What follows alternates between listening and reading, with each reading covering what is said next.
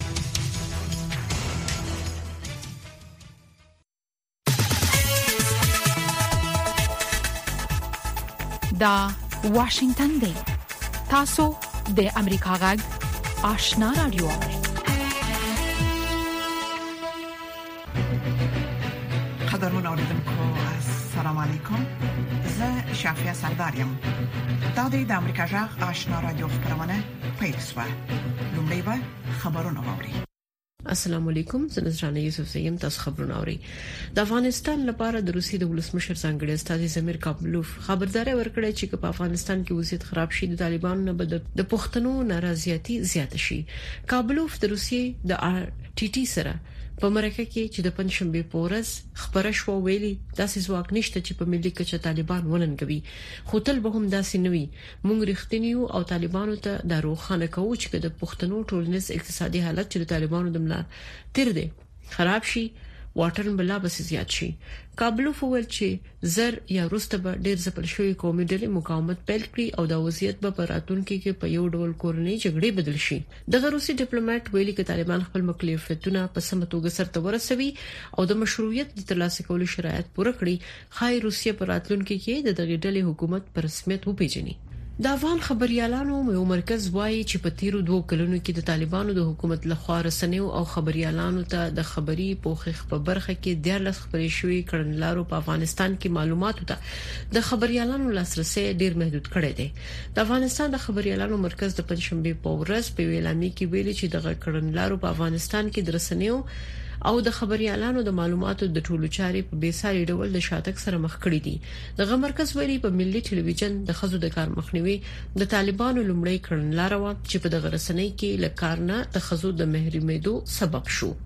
د خیبر پښتونخوا حکومت وايي، د روان کال په اوږدو کې په دې صوبه کې د ترهګرو د مالي مرستو کوونکو په ضد شاوخوا دوه سوه قضیې ثبت شوې دي. د حکومت له لوري د دغه ورکړل شوو شمېر له مخې د ترهګرو سره د مالي مرستو په ضد تر ټولو زیاتې قضیې په پېښور کې ثبت شوې دي چې شمېر یې یو اویا ښوول شوی دی.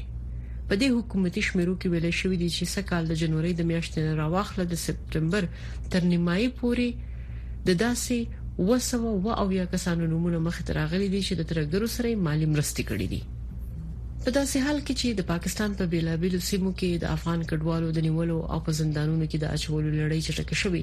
په پېښور کې مېشت افغانان وايي د پولیسو د نیولو او ځورولو سره مخ دي. یو شمېر افغان کډوال وايي پولیس د کډوالۍ د قانوني اسناد لرونکو افغانان هم نیسي او په دې پلمه ورنه پیسې اخلي. په پېښور کې افغان کډوال فرمان غلام سخي وايي، پولیسو په داسې حال کې ونیو چې د کډوالۍ د ثبت کارت ورسره و، خو پاکستاني مقاماتو ویلي دي چې یوازې د هغه کډوالو په خلاف اقدامات کوي چې د کډوالۍ قانوني اسناد نه لري. په داسې حال کې چې ارمنستان ته د ناګورنو قره باغ له غرنۍ سیمې نه د زرګونو ارمنیانو د کډه کولو لړۍ دوام لري، د دغه بېلتون غوښتونکې سیمې د حکومت مشر د پنجشنبې په ورځ د خپل حکومت د منحل کېدو خبر ورکړ. د قره باغ د بېلتون غوښتونکې سیمې د تش په نامه رئیس ساموئل شهرامیان لخوا دغه اقدام وروسته تر هغه صورت ومومو چې اذربایجان د شنبې په ورځ د چټکو پوځي عملیاتو په ترڅ کې د قره باغ د غرنۍ سیمې کنټرول بیرته ترلاسه کړ او د سیمې د ارمني بېلتون غوښتونکو نه یې وغوښتل چې خپلې وسلې په ځمکه کیدی او همداراز خپل بیلتون غوښتونکي حکومت منحل کړي په ورته وخت کې د ارمنستان چارواکو د پنجشنبې په ورځ ویل چې د ناګورنو کراباغ د بیلتون غوښتونکي سیمې تر نیمایي زیات اوسیدونکي دغه هیواد ته کډه شوي دي د ناتو سرمنشي ین سټولټنبرګ د پنځشنبه په ورځ کیف ته د سفر په مهال ویل چې د شمالي اتلانټیک د پوزي تړون ناتو سره د یوکرين اړیکې هیڅکله دومره نږدې نه وي لکه اوس چې دي ښاغلي سټونټلبرګ د یوکراین د ولسمشر ولادمیر زلنسکي سره یو ځای په یو خبري کانفرنس کې ویل یوکراین اوس د بل هر وخت په پرتله ناتو ته نږدې شوې ده د ناتو عمومي منشي سټولټنبرګ چې په نا اعلان شوی سفر د یوکراین پلازمینه کیف ته تل ویل دي مسکو په یوکراین کې امپریالیستي خیالاتو لپاره جنگيږي د یوکرین ولسمشر ولادمیر زلنسکي په کیف کې د ناټو د مشر ینس سټولټنبرګ سره په داسې حال کې وکتل چې یوکرین د روسیې په ضد د خپل ځوابي برید لپاره د لویدیځ ملاتړ غواړي او د امریکا د متحده ایالاتونو د سنا غړي باب منډیر د نیوجرسي په ایالت کې د دریو سوداګرو نه د بډې اخیستلو په قضیه کې خپل بیګناهي څرګنده کړه دا په داسې حال کې ده چې د هغه دموکرات همکارانو د هغه د استعفا غوښتنه کړې ده. تېره اونۍ د نیویارک فدرال څارنوال دغه نهه شپېته کلن سناتور او مېرمنې د سرو زرو او سلګونو زره ډالرو رشوت په اخیستو تورن کړل. څارنوال وویل چې سناتور مندیز د خپل نفوس نه په ګټې اخیستلو د مصر د حکومت سره مرسته کړې او د سوداګرو په اړه یې د امنیتي ځواکونو په تحقیقاتو کې مداخله کړې ده قدرمن اوریدونکو دا د دې وخت خبرونه د سیمه او نړۍ خبرونه واوریدل په موقع د سیمه او نړۍ په اړه رپورټونه ده خبرونه مو د امریکا جغ آشنا رادیو څخه واوریدل درنوریدونکو زموږ په دې سهارنۍ پښتو خبرونه کې د افغانستان سیمه او نړۍ د اوسنوي حالاتو په اړه کې مهم مطالب لرو هله د خبرونه تر پای واوري لومړی به دا راپورټ واوري چې د طالبانو د حکومت د عامه روغتیا وزارت سرپرست ډاکټر قلندر عباد وایي چې د دغه وزارت په وړاندې تر ټولو عمده پښتنه دا ده چې څنګه په لیرو پروتو سیمو کې اوسیدونکو ته روغتيایي خدماتونه وړاندې کړي او هم کوم ډول روغتيایي خدماتونه خلکو ته وړاندې کولای شي نور تفصيل پر پورت کې ووري د طالبانو د حکومت د امر روغتیا وزارت سرپرست ډاکټر کلندري بادوي چې د دغه وزارت په وړاندې تر ټولو عمده پښتنه دا ده چې څنګه په لری پروتو سیمو کې اوسیدونکو ته روغتي خدماتونه وړاندې کی او هم کوم ډول روغتي خدماتونه خلکو ته وړاندې کول شي ډاکټر عباد چې د پنځشنبه په ورځ کابل کې د معلوماتو او د ډاټا د ټولولو او پروسس کولو په برخه کې د شاوخوا نه میاشتنی تعلیمي پروګرام فارغانو د فراغت یوې غونډې ته وینا کوله ویل چې تر ټولو لویه ننګونه دا ده چې د افغانستان 240 میلیونو وګړو ته به معیاري روغتیايي خدمتونه وړاندې کړی شي او که نه تر دغه لویه او غټه خبره دا ده چې آیا موږ د خپل 240 میلیونو خلکو ته معیاري یا د نړۍ د سټانډرډ په حساب باندې چې د خپل صحي خدمات ورته وړاندې کو آیا تر کومه وخته یا کله به وکولای شو دا ټول هغه سوالونه دي چې همه وخت وزارت صحت عامې ته د موږ ټول ټیم ته متوجه دي او بدون د کومه شک نه که د دې لپاره موږ یو جوړه پالیسی یا ستراتیژي یا اکشن پلان ونه لرو نو یقینا کله به موږ خپل ولسونو ته او خپل خلکو ته د دې ورپیښو مسایلو نه نجات ورنکړو. د عامې روغتیا وزارت سرپرست ویل چې د یوې ښې روغتیايي پالیسۍ د جوړولو لپاره سروې ته اړتیا ده هغه د سروې ترسره کولو لپاره په ساحه کې تجربه لرونکو روغتیايي کارکونکو د اړتیا د یادونې پر مهال ویل چې د دغه سي کارکونکو شتون به دغه وزارت سره شتو بهرنۍ او داخلي منابعو څخه د کار اخیستو په برخه کې مرسته وکړي موږ دا مسایل په کرات مراتو، په داخلي او خارجي کانفرنسونو او میټنګونو کې شریک کړي دي چې په افغانستان کې په اول قدم کې موږ ته پرایمري هیلت کیر ډیولپ کول یا ابتدایي خدمات معیاري کول دا د موږ لپاره یو غټ چیلنج دی. د عامې روغتیا وزارت سرپرست په خپله وینا کې په بهرنیو هیوادو کې د مېشتو افغان ډاکټرانو څخه وغوښتل چې وطن ته دې ستانه شي او خپلو خلکو د روغتیا په برخه کې دې مرسته وکړي. د افغانستان د ټولو قشرونو نه زموږ دا هیله ده چې دوی که په خارج کې په دې ساعت کې وجود لري یا د ډیاسپورا هغه ملګري یا هغه ډاکټر صاحبان چې دوی هلته په مختلفو پوهنتونونو کې د استادانو په شکل باندې یا د موږ هغه پروفیسوران چې په ډیرو خارجي هیوادو کې د متخصصینو په شکل باندې خپل خدمتونه وړاندې کوي د هغوی نه د موږ دا هیله ده چې کاول قدم کې دوی په فزیکی ډول باندې خپل ګران هیواد افغانستان ته راشي او د موږ سره د صحت په دې برنامه کې همکار او اوسي یقینا د موږ ټولې دروازې د دوی په مخ باندې خلاصې دي. ډاکټر عباد وویل چې په بهرنیو هېوادو کې مېشت افغان ډاکټران په انلاین بڼه هم افغانستان کې د ډاکټرانو سره خپلې تجربې شریکولی شي. د طالبانو حکومت د عامې روغتیا وزارت سرپرست د داخلي او خارجي منابعو څخه د کار اخیستو په اړه دا څرګندونې په داسې حال کې کړي چې افغانستان سره د روان دوه زره درویشتم کال له پیل څخه د روغتیا د سکټور په ګډون په ډېرو برخو کې د نړیوالې ټولنې مرستې ډېرې کمې شوي. د مرستو د کمیدو وروسته د سر صلیب نړیوالې کمیټې آی سی آر سی چې د تیر 2022 کال راهیسې په افغانستان کې درې دیش روغتونونو ته د کارکوونکو د معاشونو په ګډون د درملو او ورځنیو د چارو پرمختګ لپاره مرستې برابرولې د تیر اګست د میاشتې په وروستۍ ورځ د دغو روغتونونو مسولیت د طالبانو حکومت د عامې روغتیا وزارت ته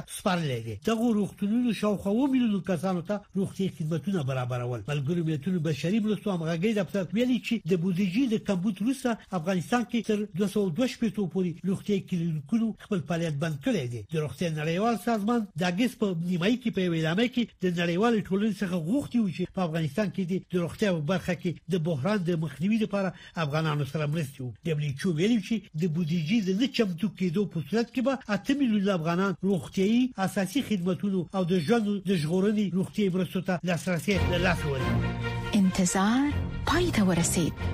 ترنو لیدونکو او اوریدونکو تاسو کولی شئ د امریکا غا ټلویزیونی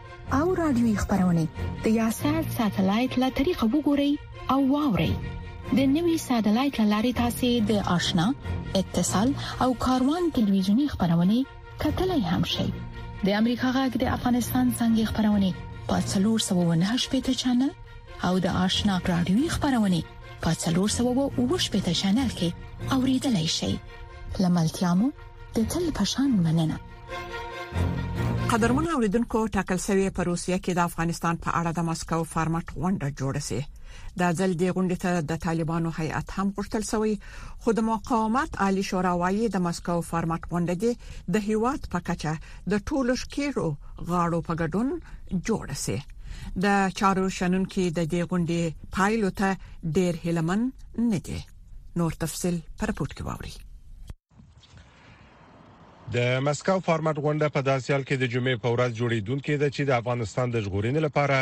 د مقاومت عالی شورا د دې غونډې له تنظیمونکو غوښتي دي چې د افغانستان روان کړکېچ ته د حل لارې د موندلو لپاره دي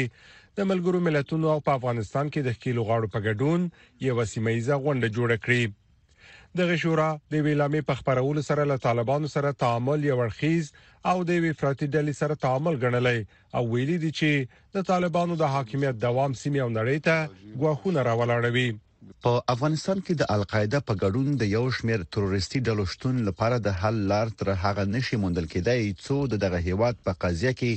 ټول شامل غاړې دغه سن ته د حل لار ونه لټوي که دا کار ونه شي نو امنیتي ګواښونه به دوام ولري. د افغانستان لپاره د روسیې د جمهور رئیس ځانګړي استازي ضمیر کابلوف څو ورځې وړاندې رسنیو ته وویل چې د یو ټولشموله حکومت جوړېدل د مسکو فارمټ د غونډې یو عمده بحث دی. ټول هغه هیوادونه چه ښکیل دي د افغانستان په موضوع کې او تاثیرګذاره دي د دنیا په سطحه دوی باید متحداً یعنې په طالبانو باندې فشار راوړي چې طالبان بین الافغاني مذاکرات ته غاړه کېږدي. د واشنګټن په انستیتیوت کې څېړونکې انا بورشو اسکای امریکا غږ ته ویلي، فکر نه کوي چې د مسکو غونډه دې ملموسي پایلې ولري. زه له دې غونډې د پام وړ پایلو تمه نه لرم، حقیقت دا دی چې روسیې پخوا هم د طالبانو له مشرانو او یا هم د څو اړخیزو غونډو کوربتوب کړی، خو د پایلو د درلودلو پر ځای یې ډېره ننداره ییزه بڼه درلودلې. دا کار همدارنګه کېدای شي د ولادمیر پوتین له خوا یوه هڅه وي چې ښکاره کړي له لویو نړیوالو پرېکړو سره اړیکه لري، خو دا په دې مانا نه ده چې دا ډول کارونه دې پایلې ولري. په دې غونډه کې د طالبانو د بهرنیو چارو د وزیر امیر خان متقي په ګډون د روسیې، هند، ایران، قزاقستان، قرغزستان، چین، پاکستان، تاجکستان، ترکمنستان او ازبکستان استازي هم ګډون کوي، خو دې غونډې ته د امریکا استازی نه دی بلل شوی. په دې اړه ډېر څه د ویلو لپاره نه لرم، یوازې دا چې موږ د مسکو فارمټ د غونډې له جوړېدو خبر یو. موږ د مسکو فارمټ غړي نه یو، بناً د امریکا استازی به په کې ګډون ونه کړي. د سیمې د هېوادونو یو شمېر مشرانو پر افغانستان د طالبانو له واکمنېدو وروسته په دې هېواد کې د ترهګرو ډلو د فعالیت په زیاتېدو اندېښنه ښودلې، خو د طالبانو د بهرنیو چارو وزیر امیر خان متقي د چهارشنبې په ورځ په مسکو کې وویل،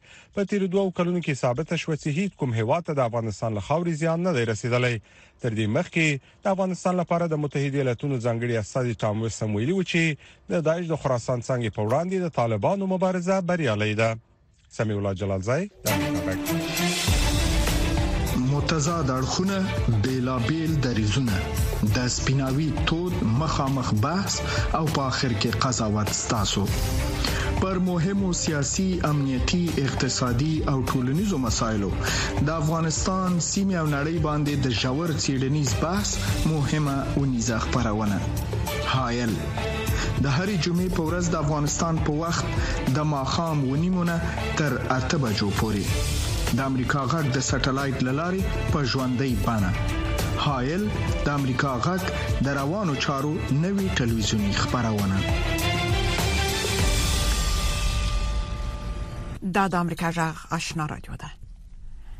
د پاکستان د کراچي په شار کې د مشتو افغان ټولنې د معلوماتو لمخې یوازې په تیرو څه باندې دوه اونۍ کې په دغه شار کې له 200 څخه زیات افغان کډوال زنداني شوي دي پاکستاني چارواکي ادعا کوي چې په پا پاکستاني شهرونو کې د جرایمو د مخنیوي د پاره دا اقدامات کړي خو د طالبانو د حکومت د بهرنیو چارو وزارت مرستيال شیر محمد عباس ستانکزي په پا پاکستان کې د افغان مهاجرونو سره د پولیسو په ناسم چلن انتقاد کړي او له پاکستاني چارواکو غوښتي چې د خپل هیواد د کورنیو ستونزو مسؤلیت پر افغانستان نه اچوي نور تفصيل پر راپور کې واوري پولیس وایي د سپټمبر میاشتې د پیل راهیسې یوازې په کراچۍ ښار کې لږ تر لږه 200 افغانان نیول شوي دي او په سلګونو یې په نورو ښارونو کې نیولي دا د تیرې اگست میاشت په پرتله لس برابر زیات شمیر دی افغان کډوال وایي پولیس بې توپیره ټول افغان کډوال نیسي مجبوري کې لې بیډای آسان کې څه ودا سر جی. موږ د داسې یو وضعیت سره مخ یو چې باید کور کې پټ شو د کار پریښودل څه اسانه خبره نه ده خو ویره ډیره زیاته ده باور وکړئ زه حتی مارکیټه پورې کار ته وتلی نه شم بله چاره نه لرم مګر دا چې کور کې کینم. افغان کډوال وی پولیس قانونی اسنادو ته اهمیت نه ورکوی او پیسی غواړی. د نقیب الله په نوم یو کډوال د فرانسې خبري اژانس ته ویلي سره د دې چې د استوګنې قانوني اسناد ورسره وو بیا هم پولیس ونیول نقیب الله وی هغه او پلار یې پولیسو ته شپږ څلوېښت زره پاکستاني روپۍ چې یو سل شپېته ډالره کېږي ورکړي چې له زندانه بچ شي د کراچۍ د پولیسو مشر وی د رشوت او اسناد لرونکو قضیې به وڅېړل شي په دې وروستیو کې موږ د غیر قانوني کډوالو په وړاندې جدي پلان عملي کوو او دا څو علتونه لري، یو یې دا دی چې د کراچۍ پر سړکونو جرمونه زیات شوي، نور دلایل هم شته لکه د غیر قانوني مهاجرینو په لاس د مخدره توکو قاچاق او د وسلو قاچاق ستونزه هم شته او بیا د ترهګرۍ ستونزه هم لرو. پولیس وایي تیر کال د کراچۍ له ښاره تر یو زر او اته سوه زیات افغانان بیرته ایستل شوي دي او نږدې یو زر اووه سوه پر روان دوه زره درویشت میلادي کال کې توقیف شوي. په کراچۍ کې د طالبانو جنرال قونسل سید عبدالجبار وایي په پاکستان کې افغانان د کابل او اسلام اباد ترمنځ د جنجال له امله زیان ویني. بارډر مې اگر کوئی واقعا هو تو پھر یې لو که په سرحد کې چپې شول دوی په کراچۍ کې د افغانانو په نیولو پیل کوي دوی نیسي او زوروي یې دا د ستونزې اصلي حل نه دی. منیزه کاکړ چې مدافع وکیله ده ویي، د بې اسنادو افغانانو دپاره لږ څه کولی شي او په ایستل شوو کډوالو کې ناروغان، بې وزله، بشري حقونو مدافعان او نجونې محصلینې شاملې وې. د سپټمبر په میاشت کې د نیولو په دې سلسله کې 15 اویا نه تر اتیا فیصد نیول شوي کسان هغه افغانان دي چې قانوني اسناد لري.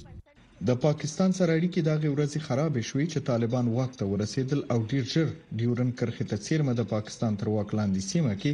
ناامني زیاته شوه.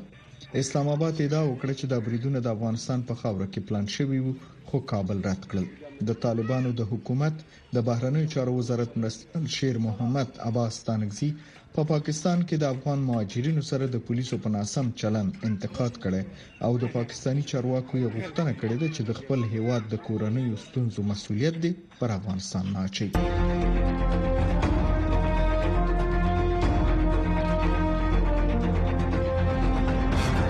اتصال زموږ او ساسي پیوستون خبرونه چیرنی او خبرګونونه موثق معلومات او دقیق جزئیات کورنۍ نړیوالې او سیمې یې مسلې چې د عام خلکو پر ژوند غیز لري ساسي پښتنې د چارواکو ځوابونه او د پوهانو سپارښتنې لې یک شنبه تر پنځ شنبه هر مخام په شپږ بجو او 10 دقیقو له واشنگټن څخه پر ژوندې بڼه د سټلایټ ټلویزیون او ټولنیزو شبکو لاري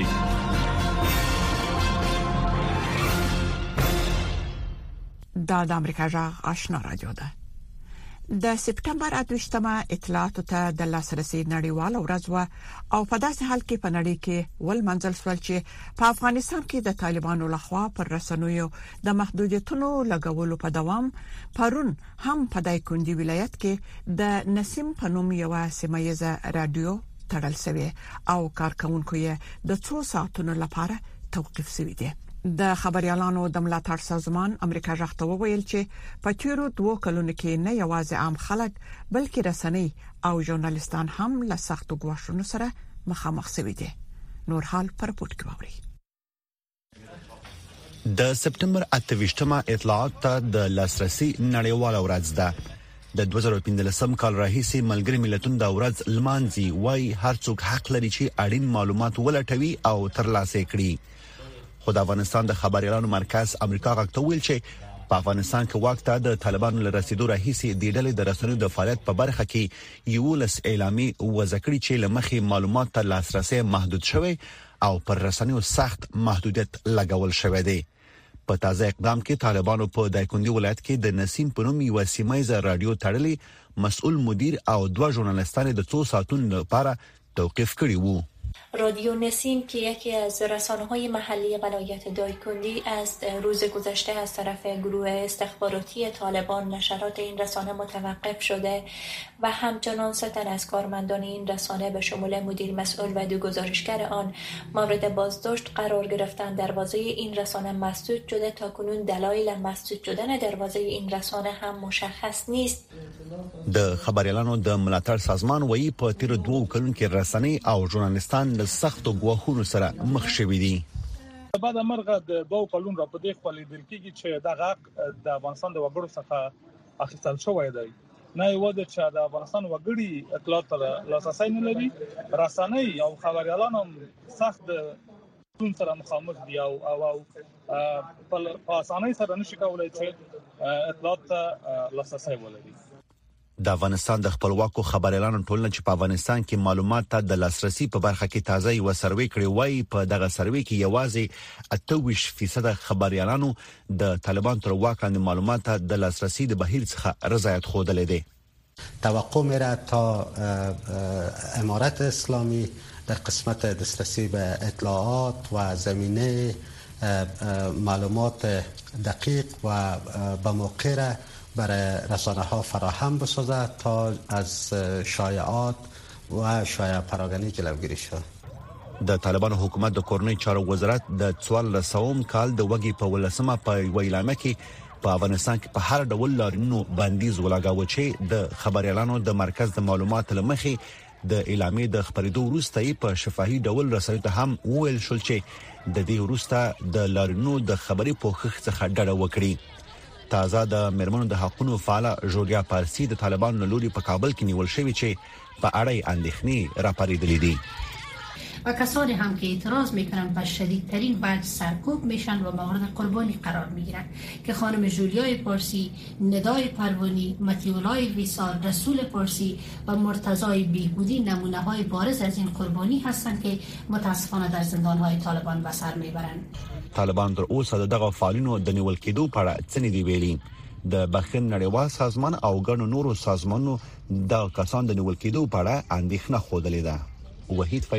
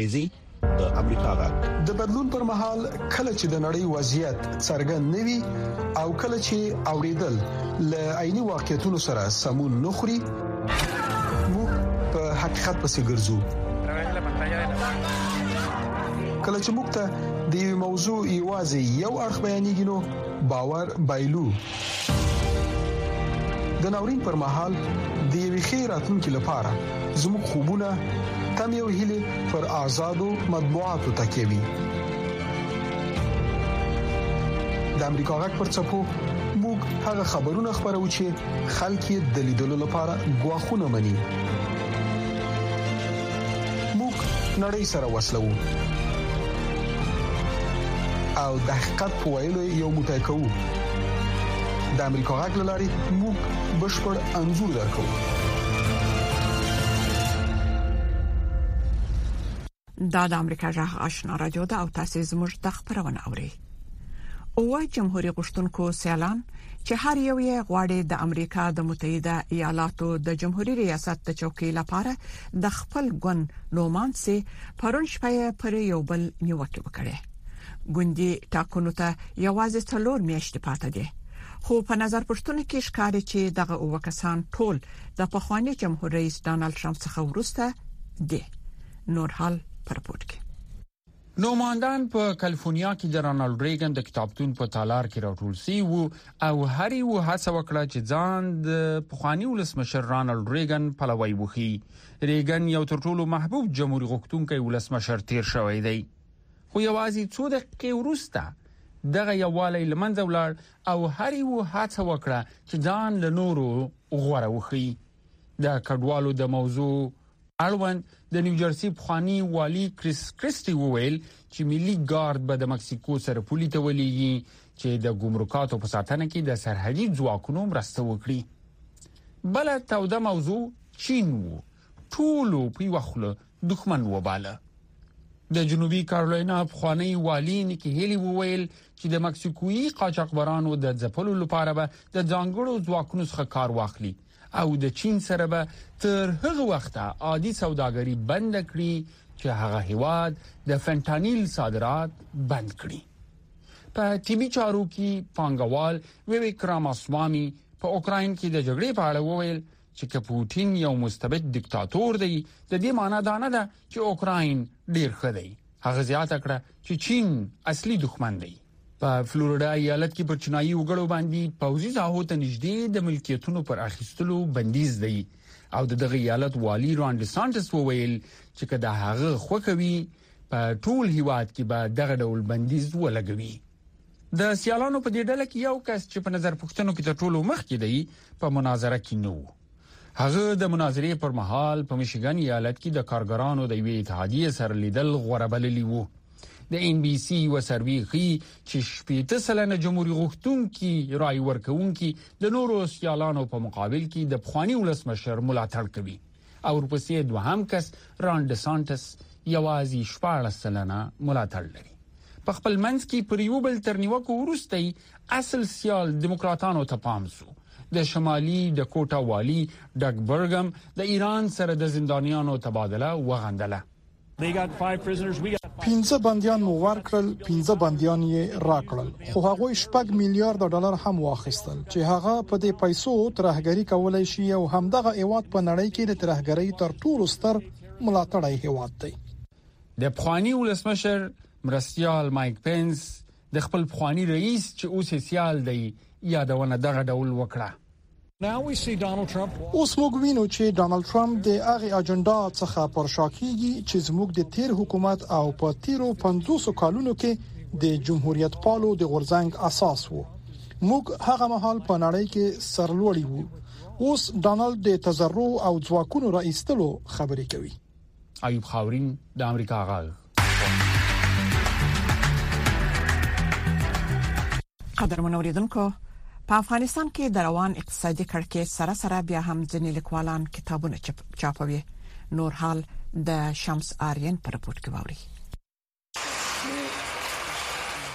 په افغانستان کې د تیر په پرتله د کتابونو چاپ فرهنګي غونډې او د ادبي مشاعرو بهیرونه پیکه سوي دي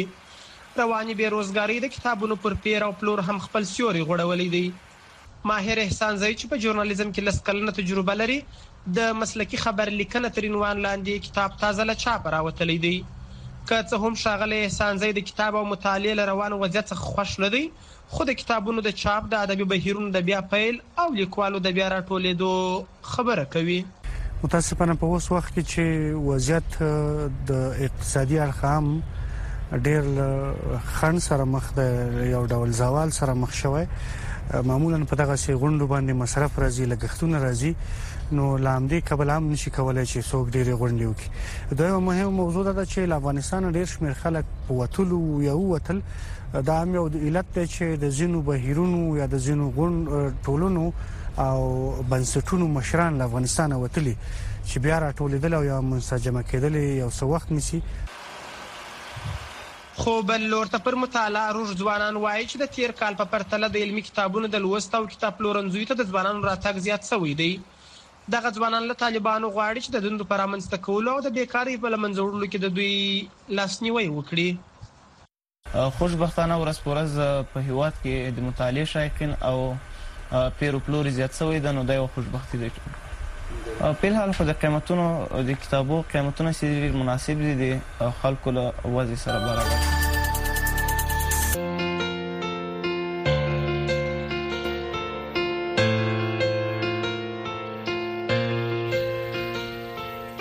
درنو لیدونکو زموږ د خبرونه په همدې ځای پای ته ورسیده د امریکا جغ آشنا را دوه خبرونه دوام لري ستاسو ټول څه مننه چې زموږ خبرونه